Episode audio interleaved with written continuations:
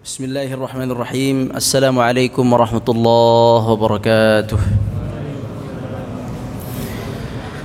الحمد لله والصلاة والسلام على رسول الله وعلى آله وأصحابه ومن والاه سبحانك ربنا لا علم لنا إلا ما علمتنا إنك أنت العليم الحكيم أما بعد kaum muslimin yang dirahmati Allah Subhanahu wa taala jamaah i'tikaf yang dirahmati Allah Subhanahu wa taala. Alhamdulillah siang hari ini kita dalam keadaan berpuasa. Semoga Allah menerima puasa kita. Amin ya rabbal alamin.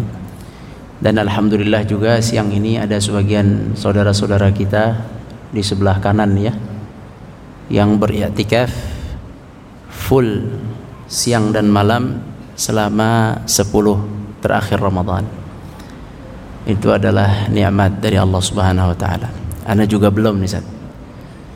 Tapi ana berdoa terus semoga ana bisa i'tikaf full siang malam sebagaimana Rasul lakukan. Kalau nggak bisa di Jakarta, ana minta di Makkah Al-Mukarramah. Mudah-mudahan kalau di sana udah pasti bisa ya. Siang udah pasti di masjid, sore di masjid, malam di masjid. Kalau di Jakarta nih hanya orang-orang yang kuat imannya ini. yang bisa siang malam di masjid selama 10 hari itu tidak mudah ya. Jadi mudah-mudahan yang i'tikaf full siang dan siang dan malam Allah berikan keberkahan umur dan rezeki dan keluarga. Nah, kita nih kayaknya yang sini yang i'tikafnya malam doang nih yang sini ya. Nah, kita yang iktikaf, Ana juga sama, Ana malam aja. Kita yang iktikaf yang malam-malam saja semoga Allah kuatkan bangun malam untuk mendirikan malam-malam 10 terakhir. Kalau tidak bisa 10 terakhir berarti gan ganjil. Ganjil-ganjil. Kalau tidak bisa ganjil-ganjil kata Nabi jangan tinggalkan tujuh hari belakangan. Berarti 23 semalam, 25, 27, 29. 25, 27, 29 Sisa 4 itu jangan ditinggalkan. 25, 27, 29 Sisa 3 Jangan ditinggalkan. Mudah-mudahan Allah izinkan Allah kuatkan kita Bangun malam untuk etikaf Harus niat Syekh. Harus niat, harus kuat etikat Mau tahu nggak biar gampang bangun malam? Mau tahu? Hah? Ana udah coba. Satu-satunya cara biar gampang bangun malam itu tidur cepet Jadi kalau udah begini ini udah balapan tidur pak. Kalau enggak beneran tidur jam 11 itu bangun jam 2 pusing pala terkadang. Kalau enggak biasa ya. Jadi bangunnya setengah tiga rugi kita setengah tiga. Tapi kalau tidur jam 9 setengah dua itu bisa bangun. Jam 9 tuh insya Allah Indonesia itu sepakat sudah selesai terawih itu. Kebanyakan masjid 99% jam 9 tuh Indonesia sudah selesai terawih. Jadi kita udah bisa tidur itu. 9 lewat 15 tidur. Insya Allah jam satu setengah dua jam dua lah bangunnya seger itu. Jadi obat cepat bangun malam itu mudah adalah tidur ce tidur cepat. Baik Bismillahirrahmanirrahim. Hari ini kita babnya zakat. Kenapa zakat? Karena zakat itu adalah satu kesatuan dengan ibadah puasa. Wabil khusus zakatul fitrati ada dua bahasa nih ya teman-teman sekalian. Ada namanya zakatul fitri. Fitri, zakatul fitri atau zakatul fitrati. Sama artinya. Jadi bisa disebut zakat fitri, bisa juga disebut zakat fitrah. Kalau di dalam bukunya Imam Nawawi beliau pakainya fitrati, zakatul fitrati. Kata beliau zakatul fitrati. Man talzamuhu zakatul fitrati talzamuhu fitratu man naf fitratu man anfaqa alaihi. Barang siapa yang wajib kena zakat fitrah maka wajib membayarkan zakat fitrah orang yang ditanggungnya. Jadi istilah beliau memang fitratun zakat fitrah jadi sama saja zakat fitrah atau zakat fitri artinya zakat yang bertujuan untuk memberikan makanan dan pembersih. Dua-duanya sama, pembersih. Pembersih itu dari hadis Nabi, pemberi makan juga dari hadis Nabi. Kata Nabi sallallahu alaihi wasallam zakatul fitrati atau zakatul fitri maaf kalau di hadis zakatul fitri tuhratun lis-saimi minal rafathi minal lagwi war rafathi. Zakat fitrah itu adalah sebagai pembersih bagi yang berpuasa dari lalai dan bicara yang kurang baik. Selama kita puasa ada lisan kita mungkin marah, kurang baik atau kotor atau ada perbuatan kita yang lalai-lalai puasa tapi main game, puasa tapi jalan-jalan, puasa tapi ngabuburit jalan gak jelas, puasa tapi duduk-duduk nonton-nonton, puasa tapi gak jelas gitu lalai. Nah, ini disempurnakan puasa itu dengan apa? Zakat fitrah, tuhrah Tuhrah apa tuhrah? Pembersih. Pembersih. Jadi zakat fitrah pembersih bagi orang-orang yang berpuasa dari kekurangan-kekurangannya. Kemudian yang kedua tu'mah. Tu'mah adalah sebagai makanan lil fuqara wal masakin untuk orang-orang fakir dan miskin. Jadi dia bisa bermakna fitri makanan, bisa bermakna fitrati yaitu pembersih sama saja. Zakat pembersih atau zakat pemberi makan. Itu zakat fitrah. Baik. Kalau zakat fitrah ini untuk orang-orang miskin kena juga, untuk orang kaya kena juga. Sekarang sedikit Anda bahas zakat fitrah. Baik, zakat fitrah apa syarat zakat fitrah? Siapa yang tahu? Tapi di sini semua bayar zakat fitrah ya. Bayar ya. Kalau nggak bayar dosa, Syekh. Udah puasanya banyak bercanda-bercanda nggak bayar zakat fitrah. Ya kurang puasanya. Jadi bayar zakat fitrah supaya menambal kekurangan puasa. Zakat fitrah itu wajib bagi siapa sih? Muslim. Dah kita muslim. Yang kedua wajib bagi siapa? Bagi yang hidup di maghrib idul fitri maghrib idul fitri ini boleh sekarang belum wajib kalau besok mati Eh sekarang aja mati pada habis acara ini mati nggak wajib zakat fitrah. Jadi kalau antum nggak mau bayar zakat fitrah bolehlah mati sebelum sebelum eh, maghrib takbiran, nggak wajib itu.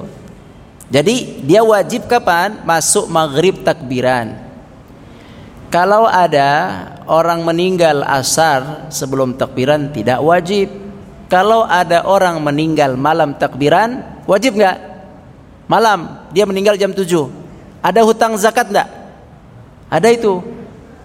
Ini emang agak sulit. Mana mu, bukan mana mungkin kebanyakan ahli waris enggak, enggak kepikir ini. Zakat fitrah bagi mayit. Itu wajib itu. Oleh itu makanya dialu-alukan bahasa Melayunya atau diajak untuk berzakat fitrah sebelum malam takbiran sebelum jatuh wajib Kapan? Boleh sekarang. Kalau Al Imam Ahmad itu dianjurkan tiga hari sebelum Idul Fitri. Kalau Idul Fitri misalnya hari Ahad atau hari Senin, berarti kita berzakat itu fitrah kalau bisa hari Jumat sudah zakat fitrah, Jumat, Sabtu udah zakat fitrah. Kalaupun meninggal malam malam Senin, udah selesai zakat fitrahnya. Iya kan udah dibayarin tadi. Gitu ya. Jadi zakat fitrah dianjurkan untuk dibayar boleh sebelum malam takbiran. Berapa jumlahnya? Tanya aja panitia masjid. Karena beda-beda ada yang tiga liter ada yang tiga setengah liter. Mana yang benar? Tiga liter sah tiga setengah liter sempurna lebih dari dari takaran. Tiga liter sah. Tiga liter beras yang kita makan. Kalau teman-teman, bapak-bapak sekalian punya saudara, saudara kandung, abang, adik, paman, tante, keponakan, ya, senasab dengan kita, fakir miskin, ana punya anak empat, istri satu, anak berlima, tambah anak enam, anak enam, anak punya saudara fakir, berarti 3 liter, 3 liter, 3 liter, 3 liter, 3 liter, 3 liter, 18 liter. 18 liter berarti Anda beli beras yang 5 liter tuh ada sekarang ya?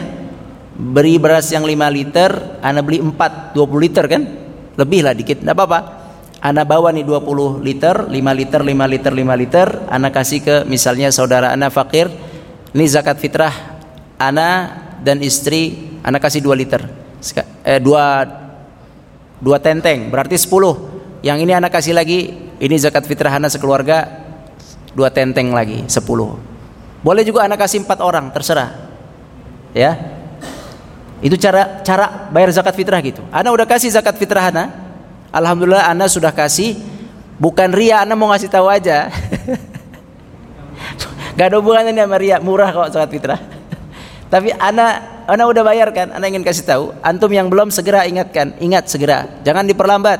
Apalagi antum bayar ke panitia, bayar zakat fitrah malam takbiran. Panitia itu bukan penerima zakat, mereka itu membantu menyalurkan zakat antum sampai ke masjid, masjid masih punya tanggungan, dia harus keluarkan lagi tuh dia harus selesaikan zakat itu keluar zakat fitrah sebelum takbir salat id besok Allahu Akbar. Itu panitia malam-malam bukannya ibadah bukannya siap-siap buat salat. Besok buat Idul Fitri malah ngurusin zakat antum yang telat-telat zakat.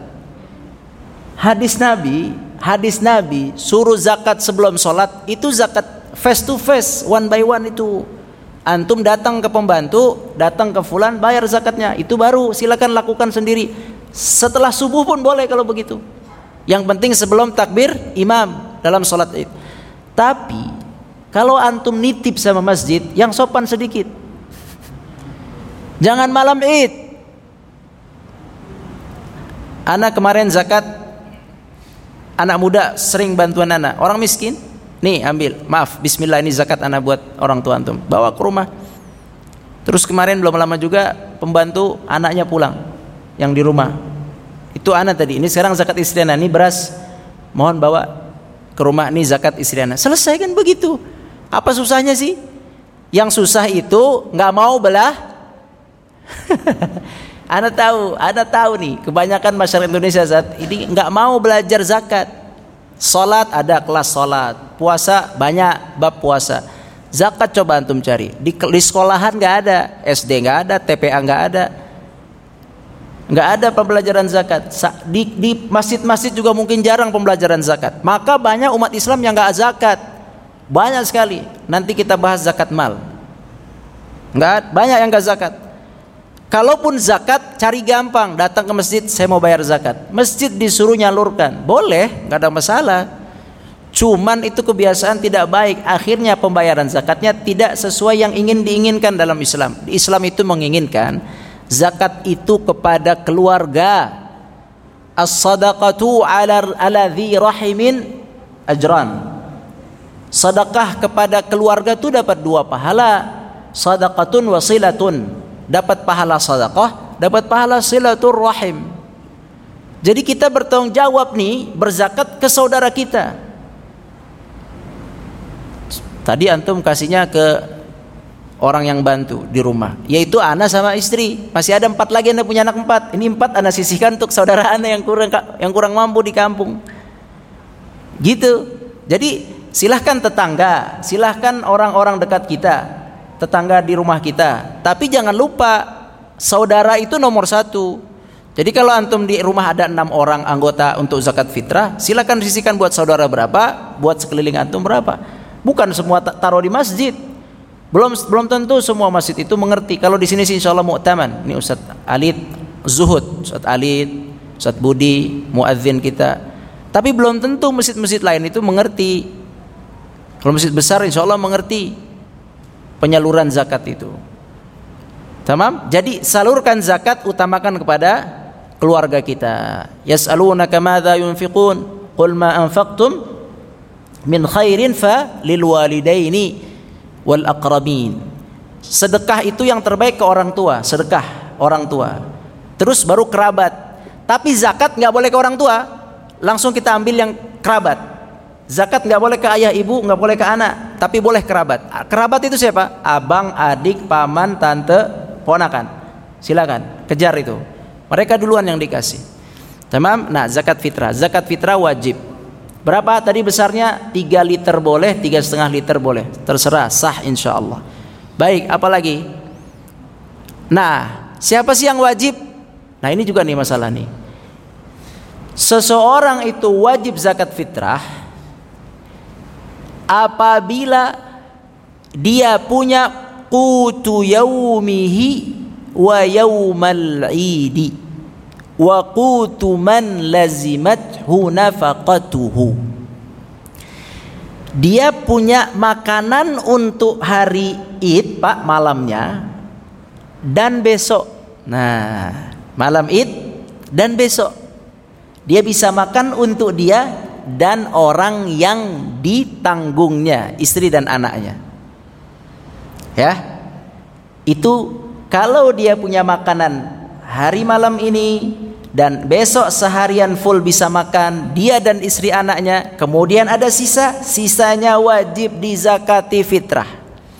Makanya menurut ana wallahu alam kebanyakan bangsa fakir miskin di Indonesia di Jakarta nih yang miskin yang menerima zakat kebanyakan mereka tuh juga harusnya wajib zakat fitrah. Karena zakat fitrah itu bukan zakat harta bukan benda dia zakat jiwa. Itu karena jiwa. Jiwa dia Nah, karena jiwa maka ringan, ringan syaratnya ringan. Coba, coba ya. Kita karena zakat fitrah, anda bicara orang miskin. Karena kebanyakan orang miskin maunya nerima zakat fitrah, tidak mau bayar zakat fitrah. Jadi sekarang udah ada masjid, ada masjid ngasih beras ke orang fakir miskin tapi dikasih ditulis gitu. Apabila ibu, bapak punya bekal makanan buat malam ini dan besok id, sisanya masih ada sisa, maka wajib zakat ditulis di di situ. Memang begitu. Contoh orang miskin, orang miskin misalnya misalnya dia punya beras 5 liter. 5 liter. Nih dia punya beras nih sekarang 5 liter. Di malam Id, di malam Id beras dia sisa seliter. Tiba-tiba dia dipanggil kan malam Id, di sini kasih lima lagi, kasih lima lagi, sini kasih 4 jadi 15 liter. 4 5 5 11 jadi berapa? Eh jadi 15 15 liter. Dapat lagi amplop. Sini 20 20 20 15 liter tambah 20 ribu kali 3 jadi 60 ribu uangnya. Misal dia nggak punya uang lagi di rumah. Ini juga nggak mungkin kan? Masa dia nggak punya uang di rumah? Kecuali yang gelandangan. Rata-rata tuh punya lagi dia di rumah tuh. Bangsa 20 ribu 30 ribu 100 ribu. Punya di rumah itu jadi dia dapat 60 ribu ditambah dengan 15 liter. Taib, dia punya anak. Dia harus kasih makan istri dan anak. Istri ada satu dan anak tiga. Berarti mereka berlima. Suami, istri, anak berlima. Lima orang makan malam berapa kira-kira? Berapa liter? Berapa liter pak? Tergantung. Saliter cukup nggak? Nggak ya? Dua liter. Ya, besok dia harus makan lagi berapa liter? Dua liter juga ya, siang malam sisa saat ya. Besok maksudnya seharian dua liter karena paginya dikirimin ke toprak. eh ke ketoprak, ketupat. Udah intinya besok dia punya juga cukup 2 liter dulu. Oke, besok 3 liter lah karena pagi sampai malam. Berarti ada 5 liter kepake buat malam dan besok untuk 5 orang. Sisa berapa tadi? 10. Sama uang berapa? Uang 60 belum kepake. Misalnya dia punya lah lauk telur ada, masih ada di rumah. Oke berarti dia punya uang 60 ribu plus 10 liter. Baik. Satu orang tadi berapa zakatnya? Tiga. Dia bisa zakat dari 10 liter dia bisa zakat berapa orang? Tiga. Berarti tiga yang yang inti dulu suami istri anak nomor satu. Dah zakat. Ini anak ini nggak nggak ada nih. Kalau dizakatin habis nih. Sisa yang uang berapa tadi 60 60 ternyata bisa dong dua berarti 30 30 berarti semuanya zakat. Uangnya habis kan? Di saat itu juga dia berhak nerima nerima dia berhak minta zakat lagi. Jadi dia tetap mengeluarkan zakat dan dia berhak minta zakat lagi. Kalau dari keadaan seperti tadi maka yang 60 disisakan saja. Cukup dia berzakat untuk untuk tiga. Untuk tiga.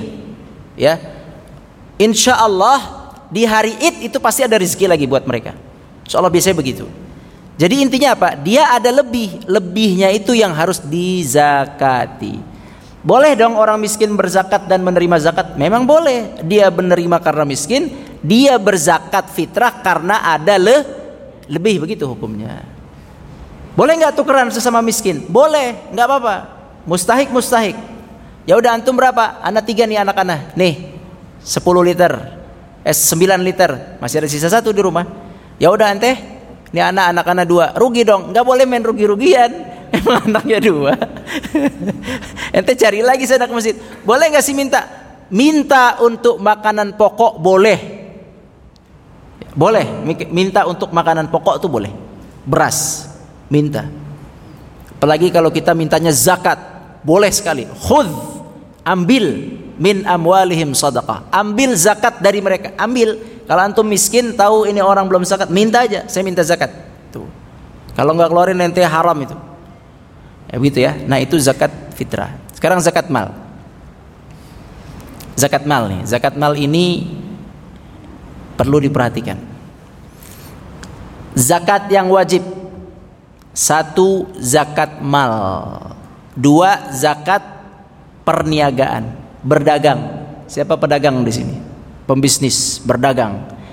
Tiga zakat pertanian, beras. Apa punya beras di sini? Punya sawah beras, ini kena zakat. Kemudian zakat apa lagi? Zakat peternakan.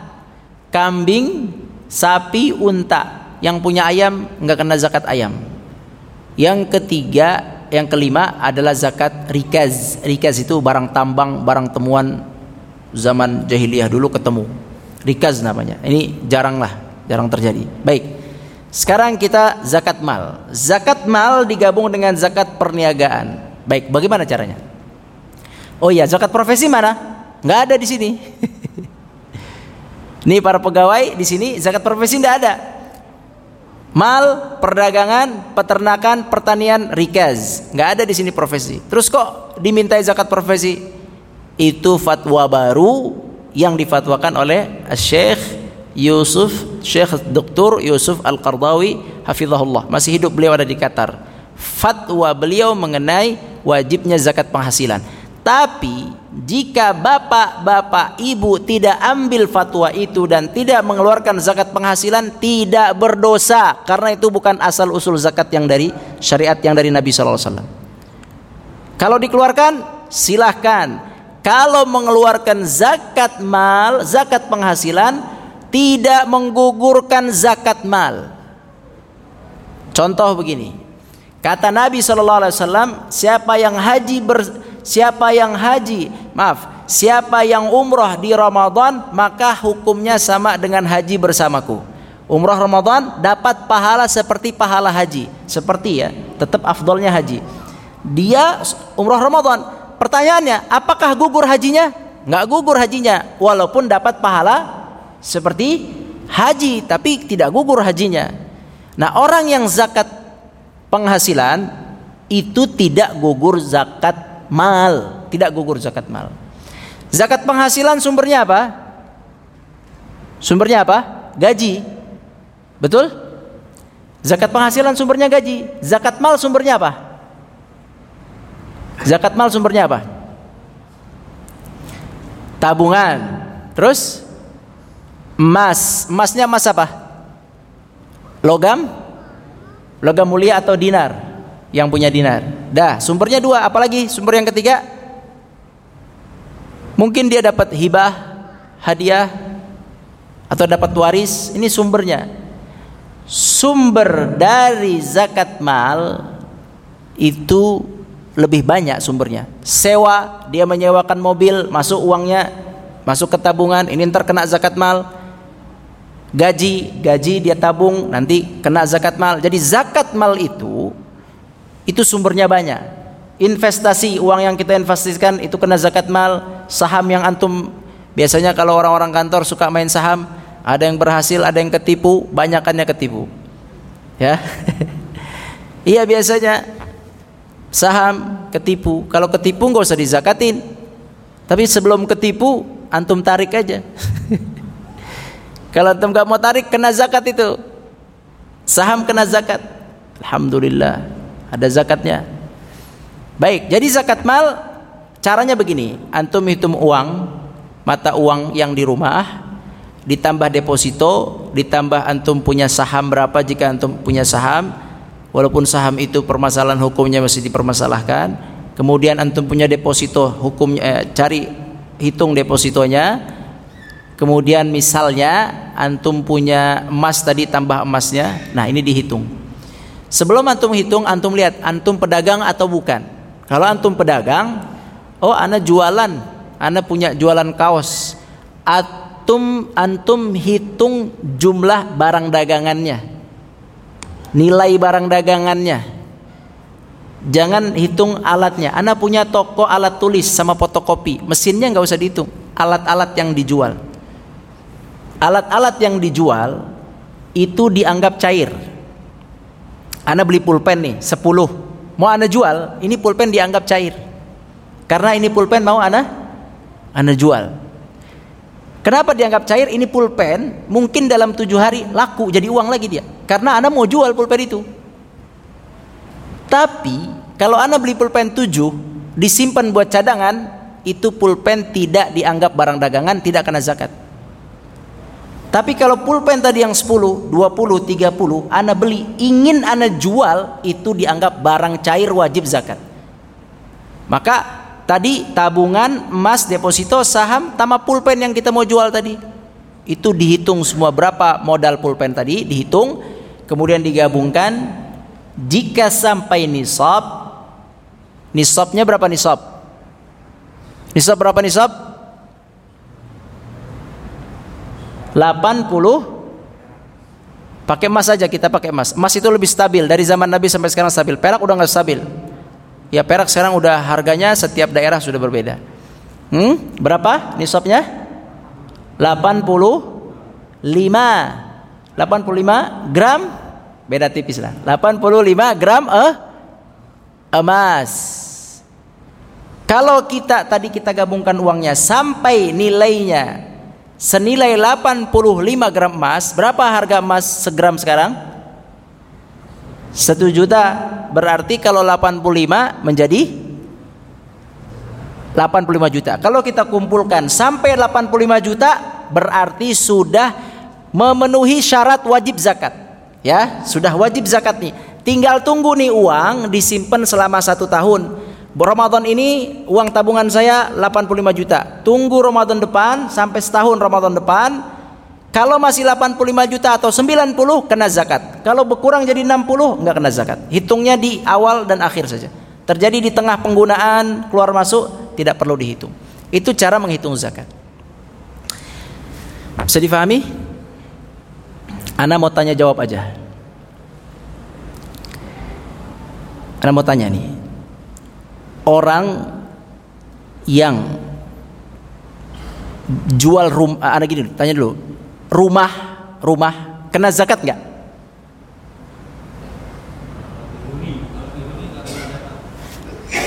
Coba nih anak anak terus terang anak sayang sama antum. Anak ingin antum mengerti masalah zakat. Zakat itu hukumnya wajib.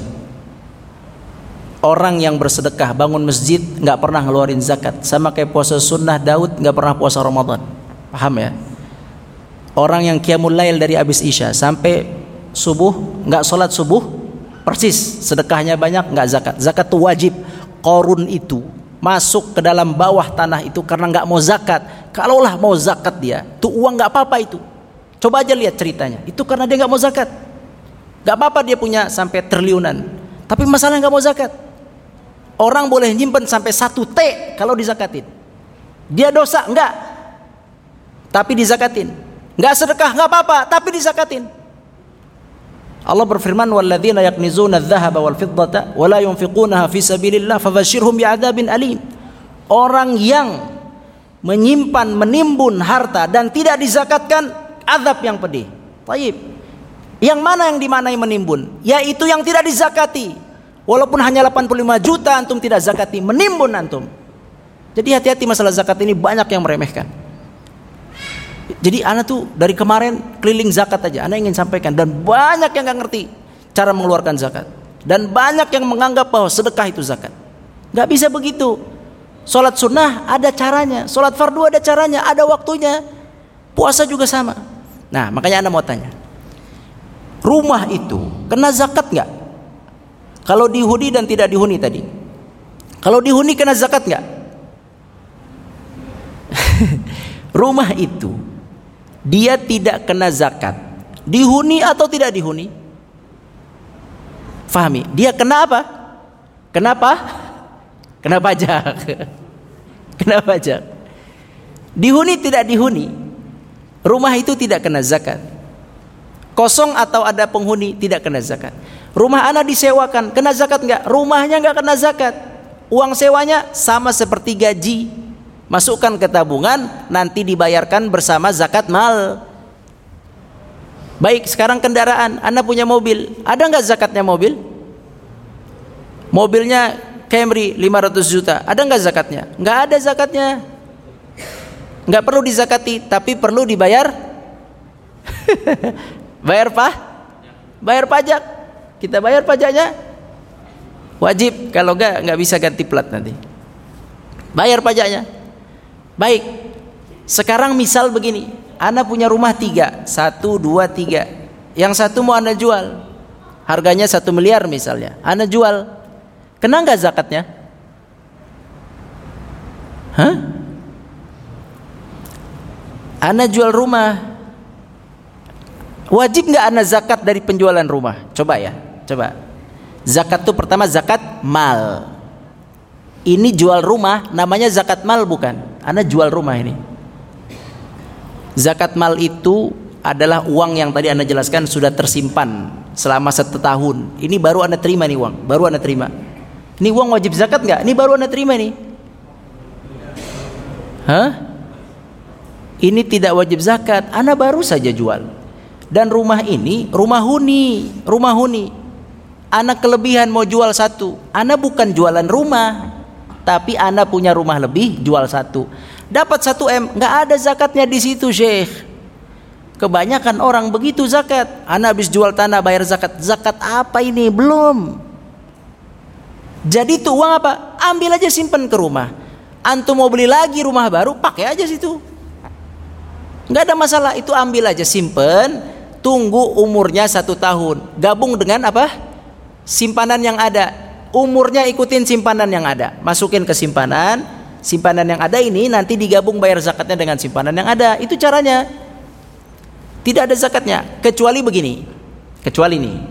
Anak pemilik perumahan klaster ya anda punya rumah 10 rumah satu dua tiga anda jual belikan rumah itu memang jual beli anda kontraktor maka itu rumah adalah barang dagangan maka rumah itu semua rumah itu wajib anda zakatin itu dikurangi tentu dengan pengeluaran-pengeluaran dengan hutang-hutang nanti tapi itu semua wajib anda keluarkan itu Kenapa? Karena rumah ini barang dagangan. Kalau yang pertama tadi rumahnya apa?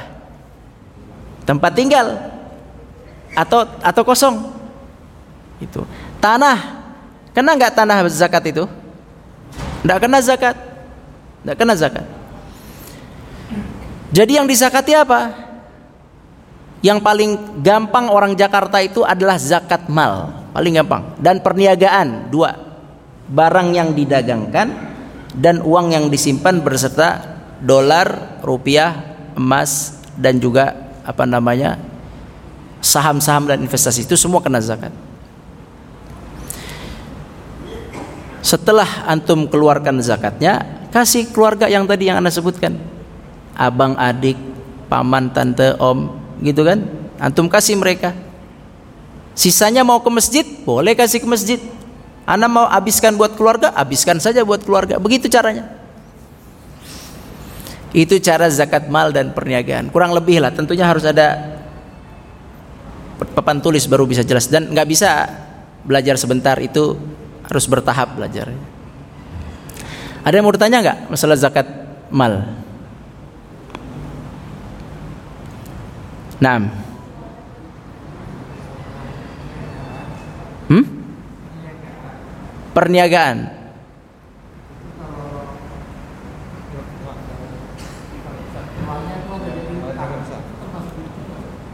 Entar dulu.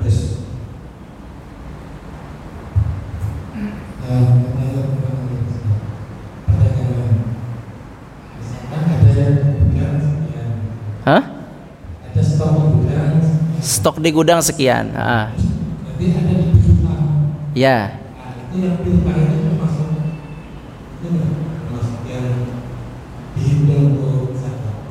Ya, para ya. Ini sekarang zakat perdagangan. Zakat perdagangan adalah barang-barang yang didagangkan. Biasanya pedagang itu suka stok barang, tapi belum bah belum bah belum bayar. Sahih? Biasanya belum bayar. Betul kan? Anak ambil dulu. Berapa? Anak ambil anak ambil uangnya misalnya anak ambil barang senilai 100 juta taruh di gudang gitu kan? Eh udah waktunya bayar zakat nih. Bagaimana? Apa hukumnya? Apakah barang yang senilai 100 juta itu anak zakati atau tidak? Karena nih belum bayar hutang. Dalam madhab Hanafi tetap dikenakan bayar. Tetap dikenakan bayar zakatnya. Eh maaf dalam madhab syafi'i afwan dalam madhab syafi'i tetap semua barang dagangan walaupun belum kita bayar belum kita bayar itu wajib kita hitung dan kita zakati. Wajib kita hitung dan kita zakati. Terus dikurangi apa? Bapak boleh mengurangi biaya pengadaan barang oh transportasinya kemarin segini anak kurangi dulu. Kemudian ini ada biaya penyimpanan listrik kurangi dulu. Oh ada hutang nih bulan ini nih yang harus jatuh tempo. Harus anda bayar. Bayar dulu begitu. Dikurangi sesuatu yang harus dibayar saat ini. Tapi kalau sistemnya masih ngutang dibayarnya masih tiga bulan empat bulan depan itu dalam madhab syafi'i kenapa tetap dia kena. Karena barang yang bapak punya walaupun ngutang itu barang akan jadi uang dia memang utang tapi dia sumber uang, dia cair Pak, dihitungnya sama uang. Sama Pak, maka itu dikenakan za zakat. Nah, Allah alam. Dinilai digabung ke harta enam.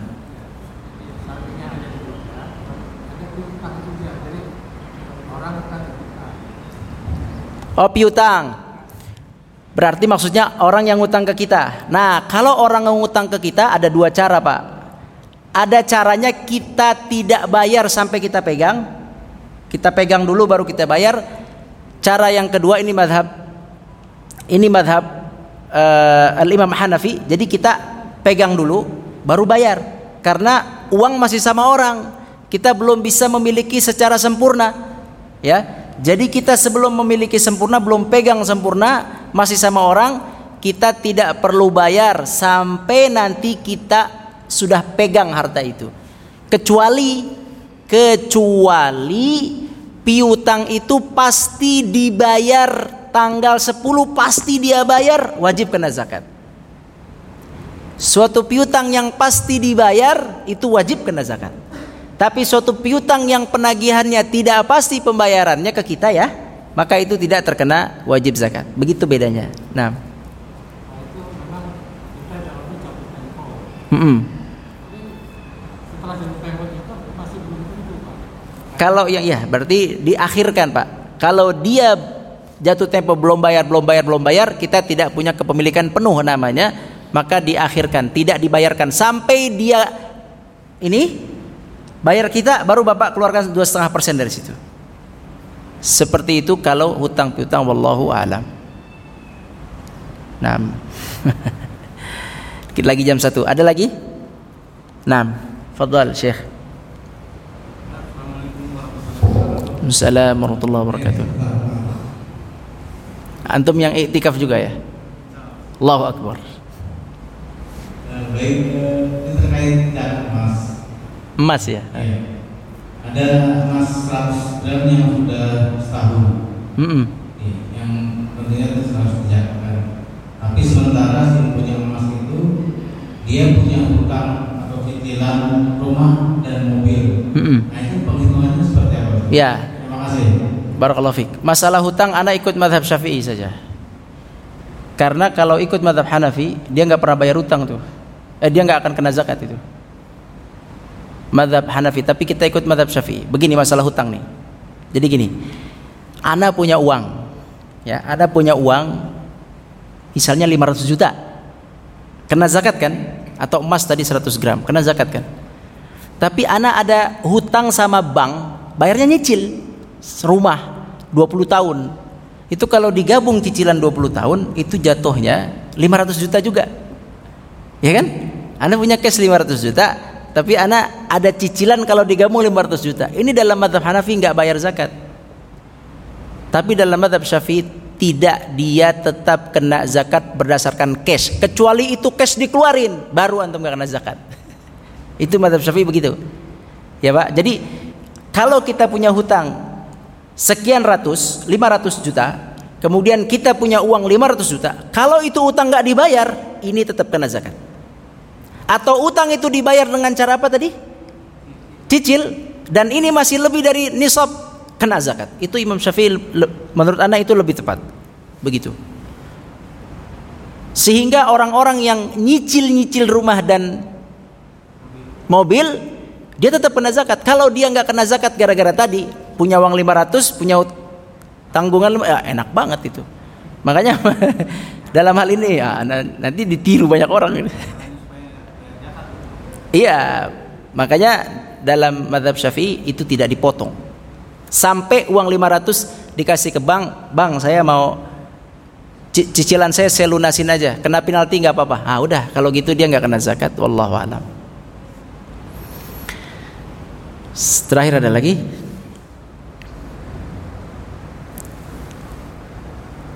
Ini tampang-tampang orang berzakat apa mustahik zakat ini?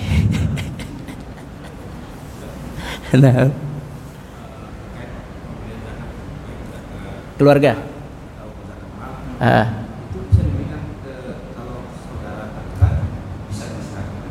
Langsung. Boleh.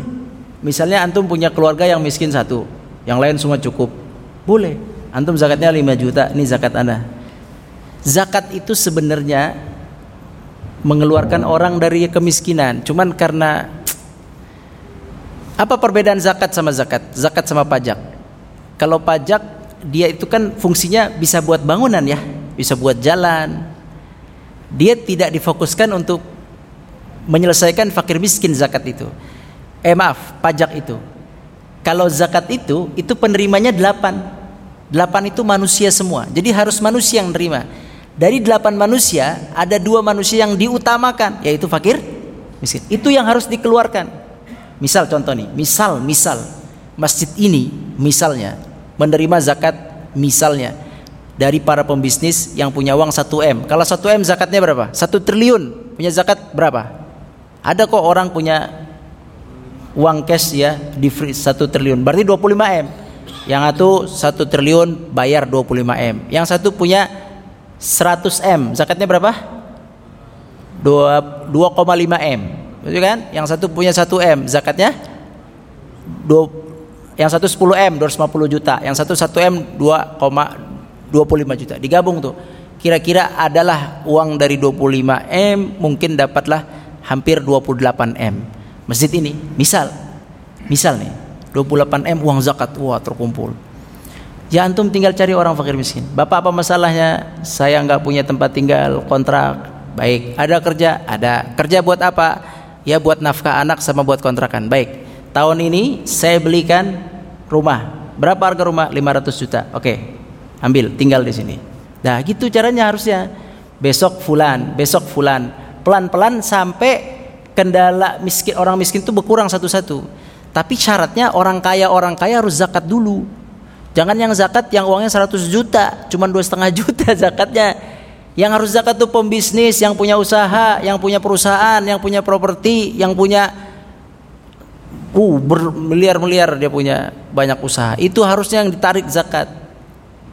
Itu masalahnya. Kita masalahnya tidak ada penarik zakat, adanya penarik pak Pajak kalau pajak pengelolaannya beda lagi, tujuannya beda lagi. Kalau zakat khusus fakir miskin. Baik, Anda kira itu saja.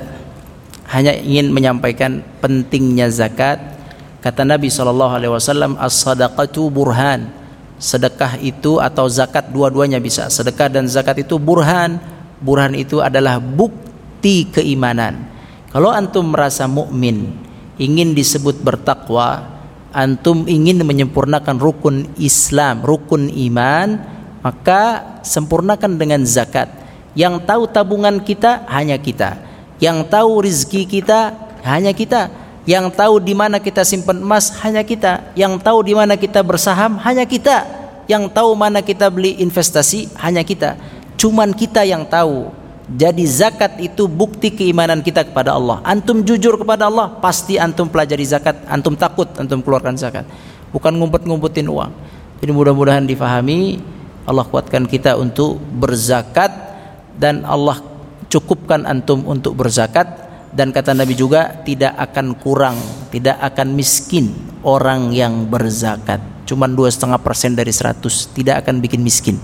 Keluarkan zakat berkah hartanya insya Allah. Terakhir anda bacakan lagi hadis kata Nabi, ma khalatatis sadaqatu malan illa ahlakathu. Tidaklah harta zakat itu tertahan tercampur dengan yang halal kecuali harta zakat itu akan merusak harta yang halal. Cuman dua setengah persen, dua setengah juta ngerusak seratus juta. Mending antum keluarin. Jadi pelajarilah baik-baik. Itu zakat kalau tidak masalah buat kita. Nauzubillah min zalik.